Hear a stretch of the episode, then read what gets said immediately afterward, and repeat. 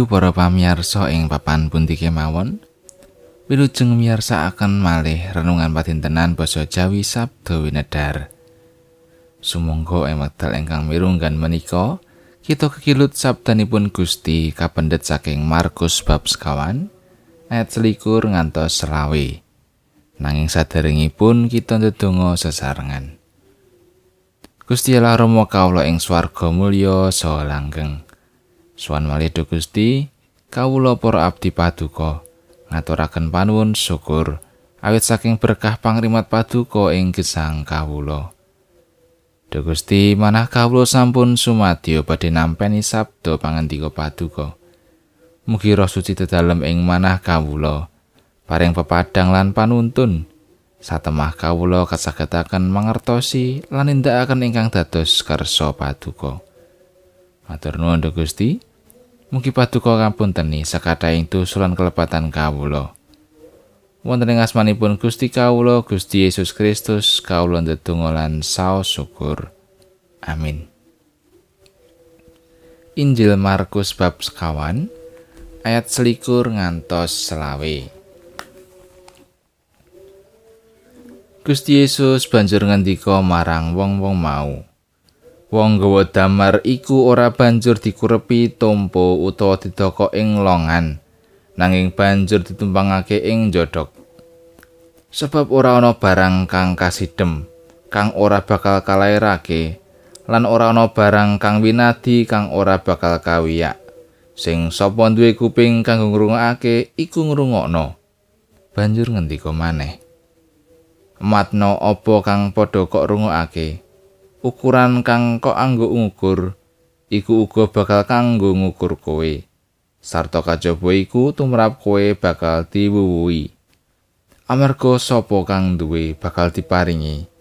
Dene sing ora duwe kabeh kang kaduwe bakal kapundhut makatan pangandikanipun Gusti ayat na saking ayat selikur.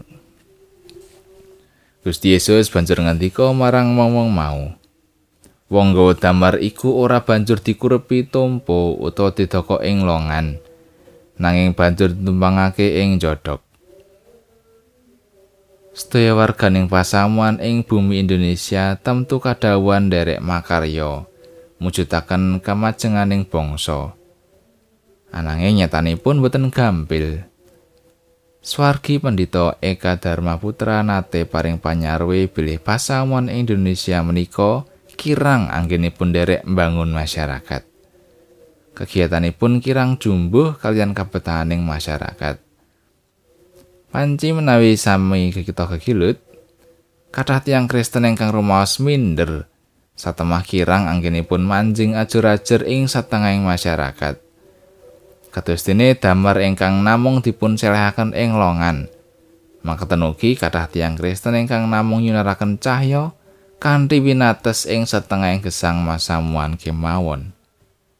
Gusti Yesus mbrekita supados dados damar ingkang pancen sumunar ing sakiwa tengen kita. Lumantar sedaya kabisan, wawasan, keterampilan lan patraping gesang ingkang luhur. Kita sami mugi kasagetaken makarya minangka wargane negari ingkang terampil lan kreatif. Sinaosa gungungipun sekedhik. Ananging menika mboten dadosaken kita sami minder lan ngroko. Kosawangsulipun malah saged dados pamecuting semangat kita supados misungsungaken sedaya pambudidaya kangge kemajenganipun masyarakat. Menika ugi ngatak kita supados langkung sregep anggenipun sesambetan kalian sesami warganing bangsa ingkang beda suku agami lan golongan dalah beda partai politik sedaya sami nyawiji ing pambudidaya kangge kamajenganing bangsa. Panci menika ayahan ingkang boten gampil katindakaken. Kita asring ngadepi pamoyo ing tiang-tiang ingkang boten remen dhateng pakaryaning pasamuan.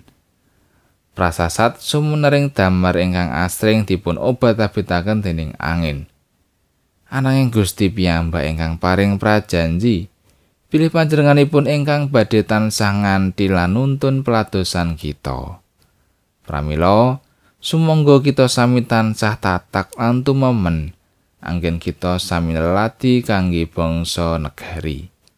Amin. Gusti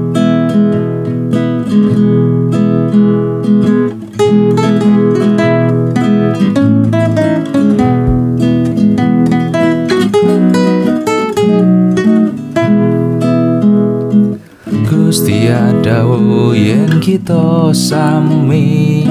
Kinen katyo lilin kang amadangi supaya saben wong padang ingati wa anglurake yang mo suci